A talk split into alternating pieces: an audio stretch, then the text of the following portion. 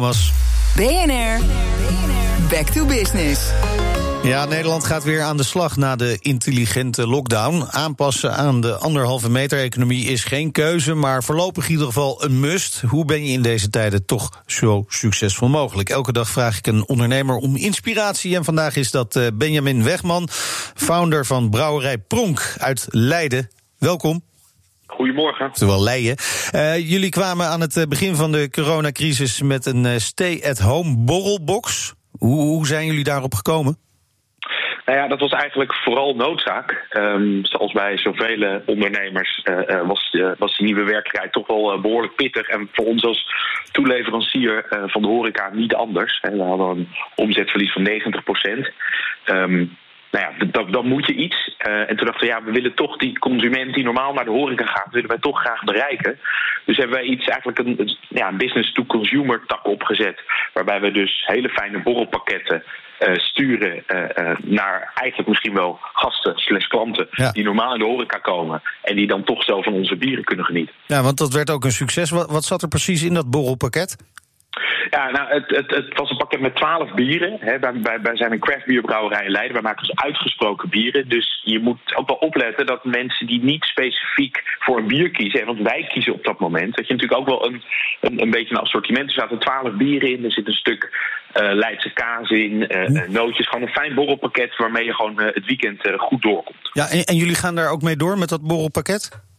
Ja, zeker. Want het, het, het bijzondere is eigenlijk dat we A, heel veel hartverwarmende reacties hebben gekregen van mensen die zeggen: hé, hey, wat, wat een vervelende tijd, willen jullie graag ondersteunen? Maar twee, merken wij ook dat eigenlijk deze ja, tak uh, dat we daar nog nooit over na hadden gedacht uh, uh, voor corona. En dat we nu eigenlijk zoveel aanlopen, zoveel aanvragen krijgen. En, en, en niet alleen maar van consumenten, maar wat we nu merken, is dat ook heel veel heel veel teammanagers, heel veel leidinggevende werk, werk, werkgevers zeggen: hey, ik wil graag ja. voor mijn team doen.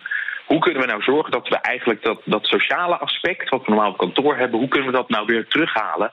En dus eigenlijk wat we nu vooral doen, is dat we uh, voor bedrijven eigenlijk een soort ja, virtuele vrijdagmiddagborrel organiseren. Dus wij sturen iedereen sturen we zo'n pakket. En dan uh, hosten we een, uh, een, een professionele Zoom-sessie en hebben een soort ja, bierproeverij, rondleiding door de brouwerij.